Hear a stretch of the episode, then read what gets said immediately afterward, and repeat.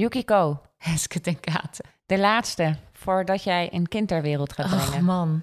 Ja, en eh, en met wat voor foto? precies, we hebben wel een eh, interessant gesprek staat ons te wachten. Ja, dat denk ik ook. Wij hebben zo Belle Barbé hier in de studio. In de studio, in mijn woonkamer. En ze heeft een foto uitgekozen die ik denk ik gewoon even goed moet beschrijven. Dat mensen me in hun hoofd hebben voordat we het gesprek ingaan. Doe maar. Het is een foto waarop je twee jonge meisjes ziet. Genomen in 1988 door Sally Mann, hun moeder. En die beide meisjes kijken recht de camera in. Eentje ligt in bed. De ander staat voor dat bed en is helemaal naakt. Ik denk dat het meisje die helemaal naakt is zo'n drie jaar oud is.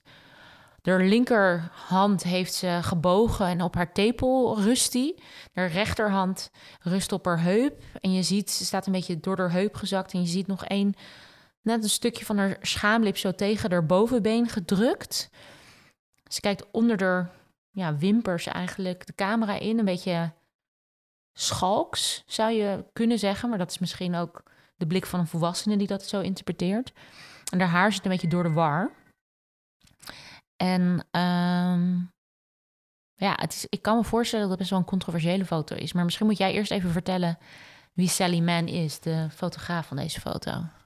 Nou, Sally Mann is dus de fotograaf van deze foto.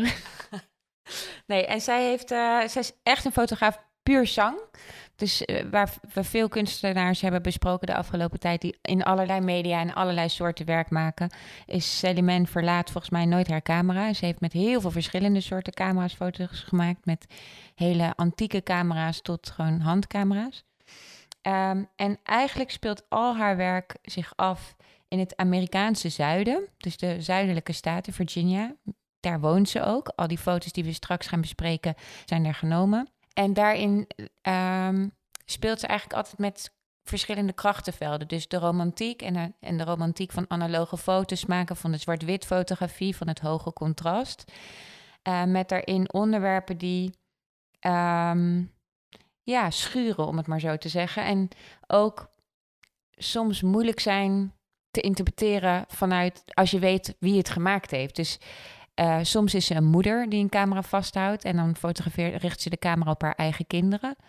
Ehm, daar gaan wij het over hebben. Dat is ook tevens een van haar meest omstreden series. Die, ehm, en best verkochte series. Ik geloof dat ze in drie maanden tijd 10.000 boeken had verkocht vanuit de galerie. Echt insane. Ehm, maar ze heeft ook bijvoorbeeld heel veel landschapsfotografie gemaakt van Virginia. Eh, ze heeft eh, Baptist churches gefotografeerd. En kinderen die, meisjes die ja, jongvolwassen zijn. En inderdaad eigenlijk vergelijkbaar met Rieneke Dijkstra. Dat, dat spanningsveld van hoe je van kind naar eh, volwassen komt. Ehm, en in al die foto's voel je een soort ongemak als kijker. Of dat, dat wordt heel vaak aangehaald. En, en dat ervaar ik eigenlijk zelf ook wel zo. Dus ik ben heel benieuwd. Ja, ik ben ook wel echt benieuwd wat Belle hiervan vindt. Want ze heeft die foto natuurlijk niet voor niets uitgekozen. Het is misschien ook goed om even iets over haar achtergrond te vertellen. Want ehm, jij kent geloof ik Belle van de Parade. Eh, daar zijn jullie ooit begonnen. Dus dat is een leuke side note. Maar ze doet nu iets heel anders. Ze werkt namelijk als eh, gezondheidsbevorderaar bij de GGD Utrecht. Ze heeft sexuality studies gestudeerd en algemene sociale wetenschappen. En ik denk dat je er het meest kunt kennen omdat ze seksuele voorlichting op een eigenlijk hele positieve manier over het voetlicht probeert te brengen. Ik, ik had vroeger biologieles en dan kreeg je een condoom in je handen gedrukt en dan werd gezegd dit moet je heel goed gebruiken en vooral niet zwanger worden. En, en voor mijn gevoel geeft Belle een soort seksuele voorlichting 2.0, waarin eh, plezier en preventie hand in hand kan gaan. Dus dat, zij laat echt zien, ehm, het is ook heel leuk, je mag ervan genieten. Tuurlijk moet je opletten, ehm, maar niet zo met het vingertje wijzen. En dat doet ze door allerlei projecten. Ze heeft een boek geschreven, Ik en Seks. Ehm, maar ze heeft ook een eh, hele toffe website, die heet Wipsite, super goede naam. Waar je dus ook, eh, waar ze samenwerkt met een illustrator, Marilyn Sonneveld. En waar ze dus ook ehm, eigenlijk ja, op een hele speelse manier voorlichting geeft. Met toffe illustraties. Ik vind het ook zo goed aan haar, haar ik had het best wel gemist. Of ik had zoiets best wel gewild als kind. En ik denk Toch? wat er. Wat ik ook heel leuk vind, is dat ze in die illustraties, in het, zowel dat boek Ik en Seks als de website, is het ook heel normaal als je op meisje op een meisje valt of een jongen Ja. op een jongen valt. Ja. Of je het met meer verschillende soorten mensen zou willen proberen. En er zit heel veel plezier in die seksuele revolutie die Ja. eigenlijk pubers doormaken. ehm, in plaats van inderdaad dat de angst regeert. Ja, en daarom juist vind ik het heel erg tof dat ze dit werk gekozen heeft. En ben ik ook razend benieuwd wat ze ervan vindt. Dus laten we er gewoon lekker bij halen. Yes. Oké. Dit is Naakt op een kleedje. De podcast waar we altijd praten over één kunstwerk. Ik ben Yukiko en tegenover mij zit Heske ten Katen. En dit is aflevering 4 met Belle Barbé. There have always been women who are artists, but it was men who wrote the history books. And somehow, they just forgot to mention that.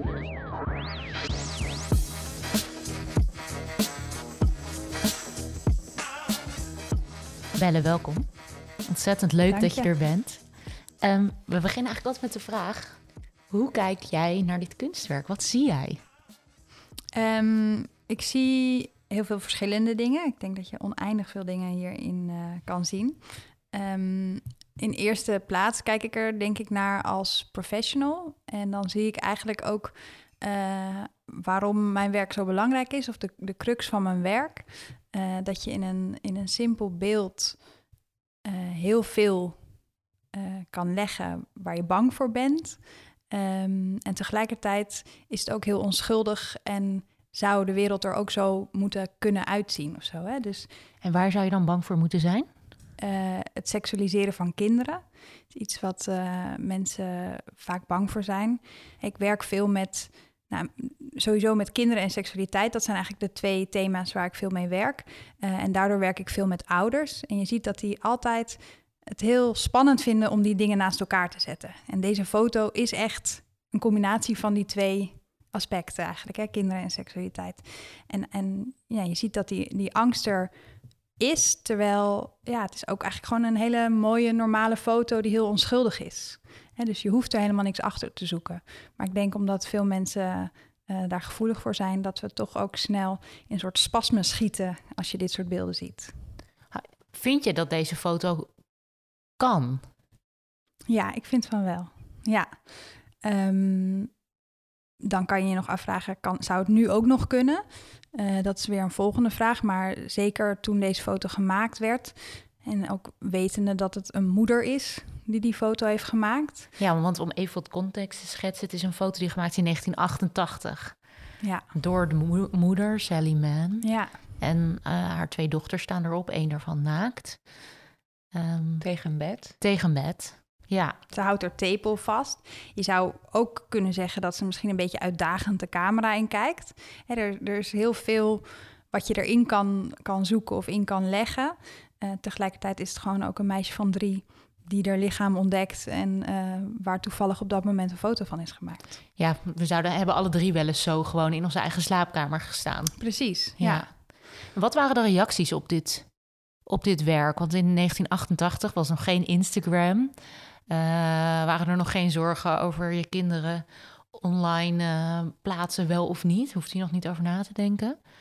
Ehm, Heske, weet jij dat toevallig? Ehm, de foto die eh, Belle heeft gekozen, die maakt deel uit van een hele reeks foto's, Immediate Family. En, en dat is uiteindelijk ook een boek geworden. Maar in eerste instantie begon het als een reeks hele grote analoge foto's in een galerie in New York. En daarin heeft ze eigenlijk allemaal foto's gemaakt van haar eigen kinderen. Ehm, ja, eigenlijk vanaf het moment dat ze moeder werd, is ze haar kinderen gaan fotograferen. En één iconisch beeld van haar dochter, die gestoken werd door een insect in haar oog, waardoor ze een beetje een opgezwollen gezicht kreeg, of een beetje echt behoorlijk. Eh, daar, is daar begint de serie mee. En eh, vervolgens zijn het dus inderdaad, is die foto die Belle heeft gekozen best wel tekenend voor al die foto's. Het zijn heel veel naakte foto's. Het zijn altijd zomers in Virginia, waar die kinderen eh, spelen. Eh, maar er zit ook wel bloed in, geweld. Ehm, geweld in de zin van, dat moet ik toelichten, eh, haar, haar zoontje die gekrapt is door een hond en dan drie strepen op zijn borst heeft staan. Of eh, haar dochter die ligt te slapen eh, in een bed waar ook in is geplast. Dus al die foto's hebben heel veel, eh, roepen heel veel reacties op. En dat is ook wat er gebeurde met het, het publiek. Dus ehm, enerzijds werd ze heel erg geprezen door haar moederliefde en die En de herkenbaarheid en nostalgie die heel erg in die kinderfoto's zit... van de zomers buiten spelen in je blootje op trampoline... Uh, of in een veranda of bloot dansend op tafel. Maar werd je dan geprezen door vakgenoten of door het publiek? Uh, allebei. Ik denk het zijn waanzinnig mooie foto's die heel erg bewegen tussen romantiek en geweld of zo. Dus het roept iets ja, wrangs en spannends op in het beeld. Dus ik denk kunsthistorici konden dat heel erg zo duiden. En ik denk dat heel veel publiek iets herkent van een vrije jeugd van zichzelf. En een soort hippie en een soort romantiek sfeer die ervan af uh, straalt. Maar tegelijkertijd waren de reacties ook niet mals. En is het precies het ongemak wat ik zelf ook ervaar als ik naar die foto's kijk van ja, is het, is het provocatief? Is het porno? Is het verheerlijking van geweld ook, van kindergeweld? Uh, is het ook niet zo dat zij haar kinderen liet want heel veel is geposeerd op die foto's. Het lijken hele losse Het lijkt documentair. Ja, maar er is heel veel gestaged. En dan komt al heel snel de vraag... waarom zou je dat met je kinderen doen? Als je kan kiezen of je ze op een hele liefdevolle, naïeve manier kan portretteren... waarom kies je dan toch ervoor om die bloedneus te fotograferen? Ja, want ik volg net... Ik vroeg natuurlijk net aan jou bellen... vind jij dat deze foto kan? Toen zei je ja. Verandert dat als je weet dat het gestaged is? Dat zij haar kinderen misschien naakt in bepaalde houdingen heeft gezet? Ik, het verandert wel. Ehm, mijn vraag wordt dan wel, uh, hoe is het voor die kinderen geweest? En ik, ik begrijp nog steeds dat je als maker die keuze maakt. Um, en ik weet niet hoe haar kinderen dat hebben ervaren, ook al die controversie. Dus ik kan me voorstellen dat dat zeker wel iets met hun heeft gedaan. En dan kan je je afvragen, was het hè, als moeder, is dat dan de beste keuze geweest? Maar ik denk dat het als, als maker en hoe interessant het is dat het zoveel oproept, het wel waard is om zo'n foto te maken. Dus ik, ik ja, het is een, een kwetsbare lijn. Je moet er wel natuurlijk voorzichtig in zijn, maar ja, nou ja, kijk al, jij zei net, we kunnen hier wel uren over praten. Uh, dat is ook heel krachtig. En als het ervoor zorgt dat het, dit gesprek vaker gevoerd wordt, uh, dan is dat voor heel veel mensen heel nuttig. Dus wat dat betreft vind ik wel dat die foto zeker bestaansrecht heeft en dat die gemaakt mocht worden. Sally Mann zegt ergens in een interview um, dat zij de woorden kindertijd of kinderlijkheid en seksualiteit het allerverst uit elkaar vindt staan denkbaar. Dus ze zegt, kinderen hebben niks met seksualiteit te maken. Dus als dat al zo is, dan is het het probleem van de toeschouwer. Terwijl ook een beetje naar jouw vak, maar ook gewoon naar zelf kind zijn geweest. Je bent toch als kind wel, ja, in ieder geval seksueel, ja, weet niet hoe je dat Tuurlijk, zegt. ja. Nou, het hangt er ook heel erg vanaf wat je als seksualiteit beschouwt. Al, heel veel mensen denken seksualiteit, stellen dat gelijk aan seks. Het hebben van seks of uh, opwinding, gevoelens van opwinding hebben.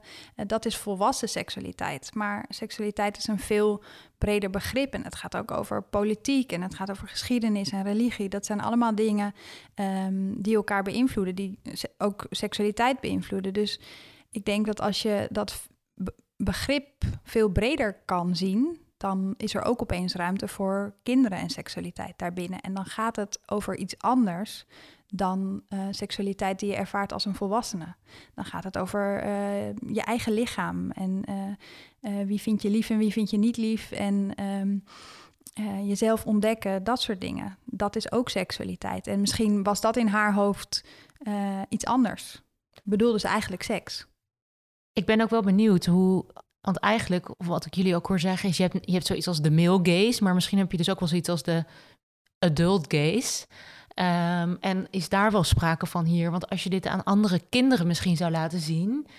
Uh, ik ben benieuwd of jij, jij hebt zelf kinderen, of, of je deze foto wel eens aan hen hebt laten zien, wat zij dan zouden zien. Ja, ik heb hem nooit laten zien. Het is wel een leuk idee.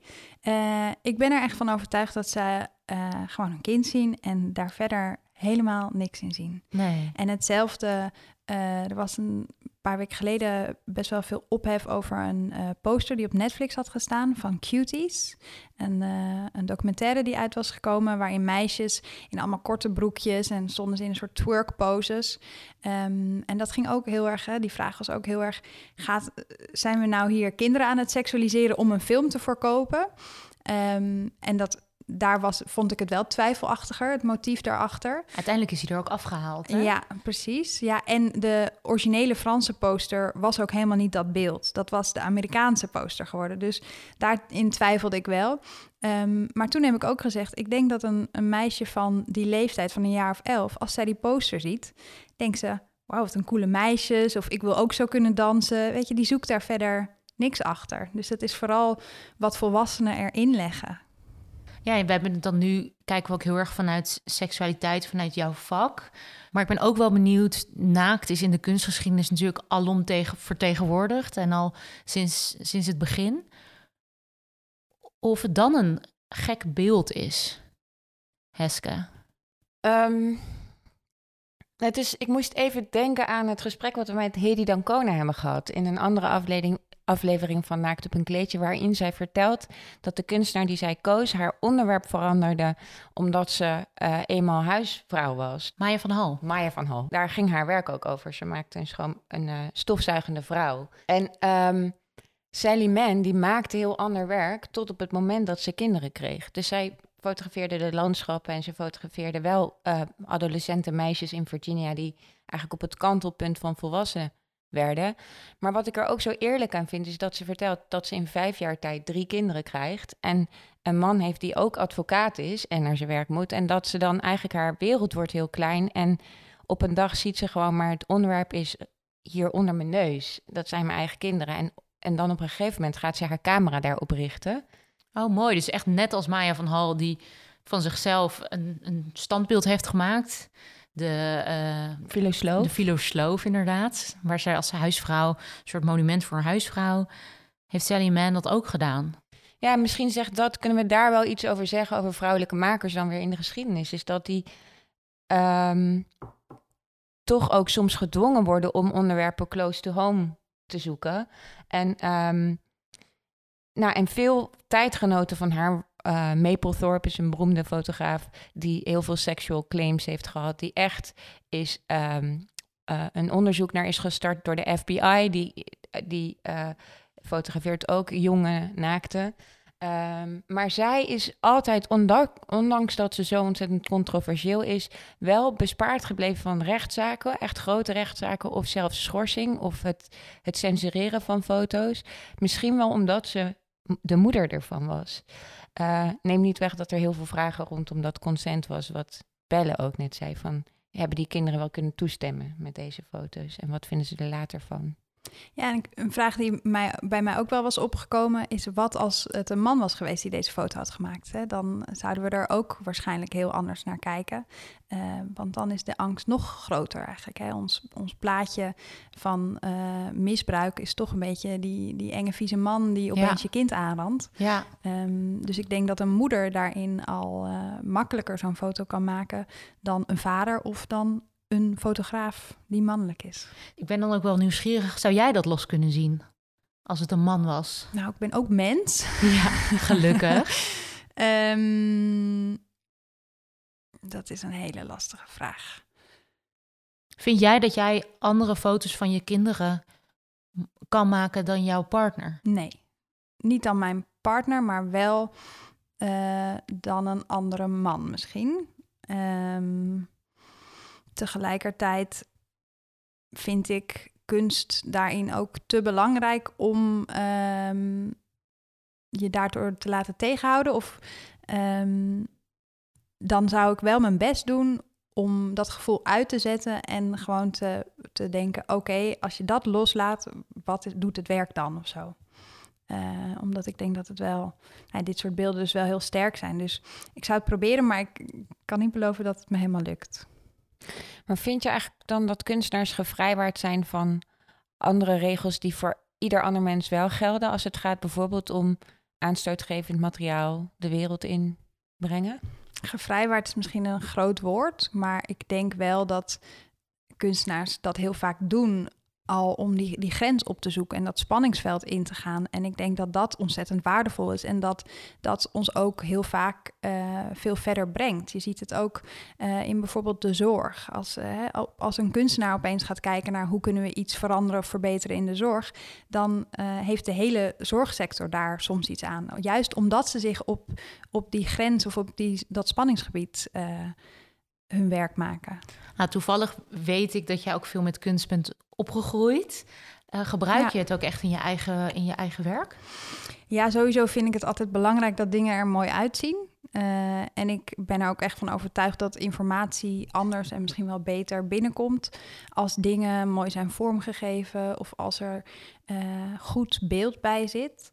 Um, en dat kan gaan van ja, de, de eindeloze saaie PowerPoint-presentaties die er opeens wel mooi uitzien, waardoor een heel hè, een, verhaal opeens veel levendiger wordt. Uh, tot, nou ja, bijvoorbeeld Website heb ik gemaakt samen met Marilyn Sonneveld, een kunstenares. Uh, en dat is informatie over seksualiteit uh, op een beeldende manier. En juist haar werk, dat vrij abstract is, uh, dat zorgt er ook weer voor dat heel veel mensen zich erin kunnen herkennen. Dus het heeft ook echt een duidelijke functie bij Website bijvoorbeeld. Het is ook wel mooi, want wij proberen met Naakt een kleedje ook andere gesprekken te hebben met vrouwen die we tof vinden aan de hand van kunstwerken. Maar jij gebruikt het dus ook echt in je werk. En ja. heb je dan ook dit specifieke werk van Sally Mann, heb je dat wel eens ingezet in je eigen praktijk? Nou, uh, in, naar aanleiding van uh, uh, deze podcast heb ik hem sowieso afgelopen week niet deze, maar een andere foto van haar die net wat minder heftig is. Mm -hmm. van haar drie kinderen op een rijtje naakt, dat ze heel trots de camera inkijken. En dan zijn ze alleen hun bovenlichamen zie je dan bloot. die heb ik nu in een PowerPoint dus gebruikt. Um, maar ik heb hem ook wel eens tijdens mijn studie uh, als voorkant van een onderzoek naar kinderen en seksualiteit uh, uh, ja, op de cover gezet. En toen heb ik dus een punt aftrek gekregen van mijn docent. Puur vanwege deze foto? Ja. Want, ja. vul eens in, waarom deze dood? ze was er vrij kort over, maar ze zei, ja, het, ik weet niet waar deze foto vandaan... Ik, ik had er wel over uh, geschreven van wie die was. Maar ze zei: Ik weet niet hoe deze foto is gemaakt. Uh, ik vind het eigenlijk niet kunnen. Uh, verder goed onderzoek, maar ik trek er een punt vanaf voor die foto. Thanks, Art. ja. Wauw, en dit was een professor in? Sexuality Studies, ja. Ik vind het super interessant dat het, zo, dat het zoveel oproept bij mensen. Ja. Ja, ja bij mij ook wel, moet ik eerlijk zeggen. Want ik merk gewoon dat ik het toch ook echt een tijd nu naar die foto's heb gekeken om dit gesprek voor te bereiden. Maar dat ik op den duur ook een beetje dat, dat ik het even weg moest leggen. Terwijl, de, wat je zegt, ze kiest een hele vriendelijke ingang. De foto's zijn heel mooi van die, ja, bijna eh, wat je nu op een Instagram filter zou knallen, zeg maar. Een, een, een zilverprint mm. met sepia kleuren, met heel mooie scherpte diepte. Veel contrast. Zachte haren, veel contrast. Engelige kinderen, maar de ondertoon is zo heftig. En, maar wat, maar probeer, probeer dat onderbuikgevoel eens uh, uit te leggen. Wat, wat, wat is het heftig? Komt dat dan doordat je denkt aan die uh, ja, kinderporno-referentie? Zou het dat, is het dat? Of is het omdat we zo gewend zijn dat tepels niet oké zijn op social media?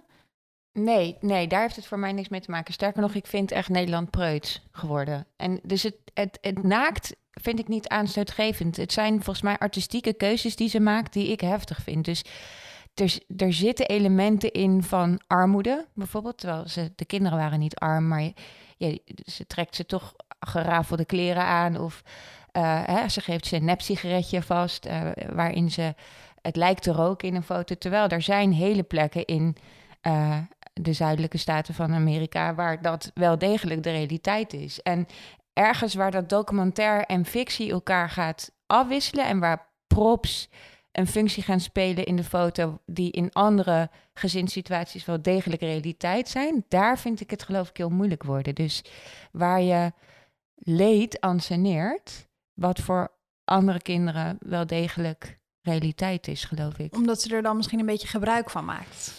Nou, in ieder geval dat wat het bij mij opwekt. Je mhm. kent ook foto's uit het nieuws die die, die echt leed laten zien. En daar speelt ze, ja, en dat is misschien ook dat interessante wat een kunstenaar kan doen. Ze kent natuurlijk haar referenties heel goed. Zij snapt een nieuwsfoto ook heel goed, maar ze snapt ook een Victoriaanse dodenportret. Het zegt ze ook letterlijk dat ze heel veel kinderfoto's van dode kinderen heeft bekeken, van die postmortem foto's. En dat ze beeldelementen daarvan gebruikt in haar fotografie. Ja, ik, dat vind ik best heftig. Maar eigenlijk hoor ik jullie allebei op een andere manier zeggen het maakt uit of het gestaged is. Als dit documentair was geweest, dan is het. Als dit gewoon een huiselijke setting was geweest. waarin het meisje zo spontaan aan haar eigen tepel had gezeten. en frontaal de camera in kijkt. dan vinden we het anders dan als een moeder aan haar dochter vraagt of ze zo wil gaan staan. Voor mij is het niet per se heel anders. Ik vind nog steeds de kracht van de foto hetzelfde, ongeacht uh, hoe die tot stand is gekomen. Ik snap ook wel dat gevoel wat jij, ehm, wat jij net uit. Um, weten jullie eigenlijk wat die kinderen ervan van vonden? Wil je het weten, Belle? ja. Ja? Weet jij het? Nou ja, jouw ogen beginnen uh, te twinkelen, maar je, maar je lippen trekken ook in een beetje een clownesk verdrietig lachje. Dus ik ben heel bang dat, er, dat, dat die kinderen er niet echt heel lekker op gingen. Nou, ik heb één interview gekeken met Sally Mann en haar dochter, die is inmiddels strafrechtadvocaat in New York. En dat is dezelfde dochter die, denk ik, zo frontaal naakt op deze foto staat. Ja. En zij zegt dat ze heel erg is gepest in haar puberteit vanwege deze foto's. Um, maar de intenties van haar moeder heel goed kent. En ze zei: Ik ben nooit geëxploiteerd of ik heb het altijd heel leuk gevonden en ik kijk er nu met trots naar toe terug. Dus nu kan ze het in die kunstcontext plaatsen en vindt ze het heel fijn. Ik denk als puber heeft ze het heel vervelend gevonden. Emmet, de zoon van Sally Man, die is niet meer. Die heeft zelfmoord gepleegd. Wat wel denk ik belangrijk is om erbij te zeggen dat hij leidde, of leed, sorry, leed aan schizofrenie. Dus dat het niet een direct gevolg is van deze foto's. Maar ja. Ehm, en de jongste dochter is een hele. Die timmert aan de weg als kunstenaar. Dus die heeft het stokje van kunstenaarschap van haar moeder overgenomen. Maar met wat voor werk? Schilderijen. Ah. ik nou, dat valt dan eigenlijk nog best mee. Als je, ik bedoel, eh, haar zoon is overleden, maar even los daarvan. Uh, de reacties van de kinderen op deze foto's zijn dus eigenlijk dat ze het best wel rechtvaardig vinden dat hun moeder die foto heeft gemaakt. Dus dat is Nee, zeker. En, ze, en eh, door de kritiek, volgens mij ging Seliman ook haar kinderen zelf naar een psycholoog brengen, las ik ergens. En dat die psycholoog had gezegd, nou, ik zie niks raars aan ze hoor. Ze, ze gaan hartstikke goed. Oké. Dus, nou, en ik kan me ook wel voorstellen dat zij mm, door verloop van tijd ook wel uh, anders zelf naar deze werk is gaan kijken. Ik heb ook wel gelezen dat zij zelf zegt: ja, ik snap achteraf gezien de controverse ook wel. En als je niet de context kent van onze warme gezinsboerderij, dan kunnen deze foto's ook een andere boodschap uitdragen. Ja, en tegelijkertijd denk ik, um, ieder, ieder gezin, iedere ouder die uh, jonge kinderen heeft, die ziet dit soort situaties. Hè? Kinderen zitten aan zichzelf en mensen schrikken daar ook echt van. Ja. Hè, kinderen, we weten dat uh, echt jonge kinderen ook al bijvoorbeeld masturberen. En dat is niet zoals volwassenen dat doen. Um, maar er zijn heel veel ouders die dat gewoon, dat hun, hun kind op een stoel zitten rijden of tegen een kussen aan of zo. En nou, dus dat is gewoon iets wat ouders waarschijnlijk wel meemaken, um, maar waar bijna niet over gepraat wordt. Waarom schrikken ouders daarvan? Omdat uh, ze het associëren met hun eigen seksualiteit, met hun eigen gevoel. Uh, en ze, hè, een van de dingen waar je als ouder heel erg bang voor kan zijn, is dat je kind misbruikt wordt. En ze zien uh, seksueel gedrag bij kinderen vaak als een teken van mogelijk misbruik. Uh, kinderen die aan hun, uh, een jongetje dat bijvoorbeeld aan zijn piemel zit, daarvan denken ouders en ook juffen en meesters, heel veel mensen denken, hoe komt dat kind daarbij? Heeft hij dat ergens gezien? Heeft iemand dat bij hem gedaan? Uh, terwijl dat is gewoon iets wat kinderen doen. Ik bedoel, ze zitten ook aan hun knie, dus ze zitten ook aan hun piemel. Voor hen is er geen onderscheid. Nee. En voor volwassenen is dat er wel. Dus dat is een angst en dat is gewoon emotioneel hoe een ouder daarop reageert. Ja, ook legitiem misschien. Ja, het is niet gek, maar het is wel goed om te weten dat dat soort dingen dus normaal zijn en helemaal niet een signaal zijn. En niet op zichzelf staand een signaal zijn van misbruik. En de tweede vraag die je verhaal oproept, heb ik ook. En ook wel duikend in dit onderzoek van. Dat geldt ook voor meisjes die selfies plaatsen van 15 of um, nou, moeders die hun kinderen fotograferen en wel willen delen met de wereld hoe vind je het dat we altijd rekening moeten houden met de freaked pedophiles en gekke, Met de blik van de gestoorde, ander. ja, de, de verstoorde en seksueel eh, gemarkeerde blik van pedofilie in dit geval, of eh, mannen die op jonge meisjes vallen. Ja, nou, dat is wat ik bedoelde met in het begin dat ik zei: die foto laat ook zien hoe de wereld zou moeten kunnen zijn. Dat dit gewoon kan en dat je niet meteen daarbij het gevoel hebt van: eh, deze foto staat op internet. Misschien zijn er mannen die zich erop aftrekken. Ehm, dat, ik vind niet dat we ons daardoor moeten laten leiden. En je ziet dat bijvoorbeeld bij het pierenbadje ook. Hè, dat ouders bang zijn om hun kind naakt rond te laten lopen... voor het geval dat er iemand in de bosje staat en meekijkt. Ehm, ja, er zijn mensen die seksuele gevoelens hebben naar kinderen toe. Eh, of ze daar iets mee doen, dat is veel minder vaak zo. En ik vind dat we dat ook niet moeten ontkennen... Ehm, en voor die mensen is dat ook echt vreselijk, hè? om in, in, in deze samenleving eh, totaal niet erkend te worden. Ja, Ja. precies. Het- Dat, dat is ook een worsteling. Dus ik, ehm, ik denk en dat die angst misplaatst ook is, dus dat het eigenlijk te grote angst is. Want we weten ook dat misbruik veel vaker binnen gezinnen of binnen families voorkomt. Het is nooit die man in de bosjes, bijna nooit. Ehm, en tegelijkertijd vind ik dat we ons daar niet door te veel door moeten laten beïnvloeden. Het is gewoon misschien wel de allergrootste angst die er is. Als Ja. het zou voor mij, ik heb geen kinderen, maar, maar Yuki, jij hebt een heel klein meisje in je buik, wat er over een maand waarschijnlijk is. Hoe kijk jij daarnaar? Nou, ik moet zeggen dat ik, dat ik niet anders naar deze foto kijk. Denk ik. Kan ik natuurlijk nooit helemaal zeggen. Maar dat ik wel er soms over nadenk. Ik zet straks een, nog een vrouw op deze wereld.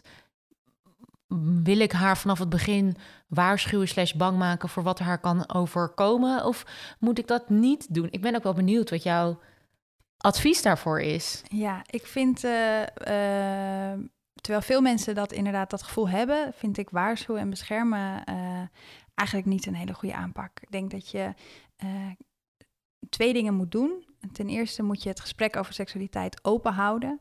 En wanneer het een onderwerp is dat bespreekbaar is, eh, dan zal jouw kind vanaf jongs af aan en ook als puber eh, weten eh, dat ze bij jou terecht kunnen over dit onderwerp. Of het nou iets leuks is of iets vervelends.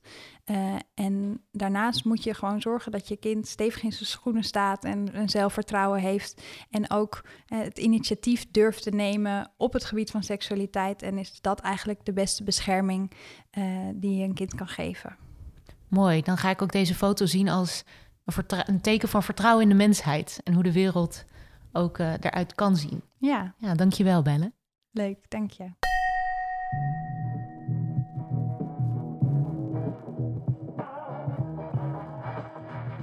Alle kunstwerken die we in Naakt op een kleedje bespreken zijn terug te vinden op onze Instagram. Naakt op een kleedje. Wel zo lekker als je ze even kan terugkijken. Deze podcast wordt gemaakt door Hesket en Katen en mijzelf, Yukiko, in opdracht van VPRO Mondo, het cultuurprogramma van de VPRO. De edit wordt verzorgd door de immer fantastische Misha Melita en de leader is van Gijs Knol en Tom Hofland.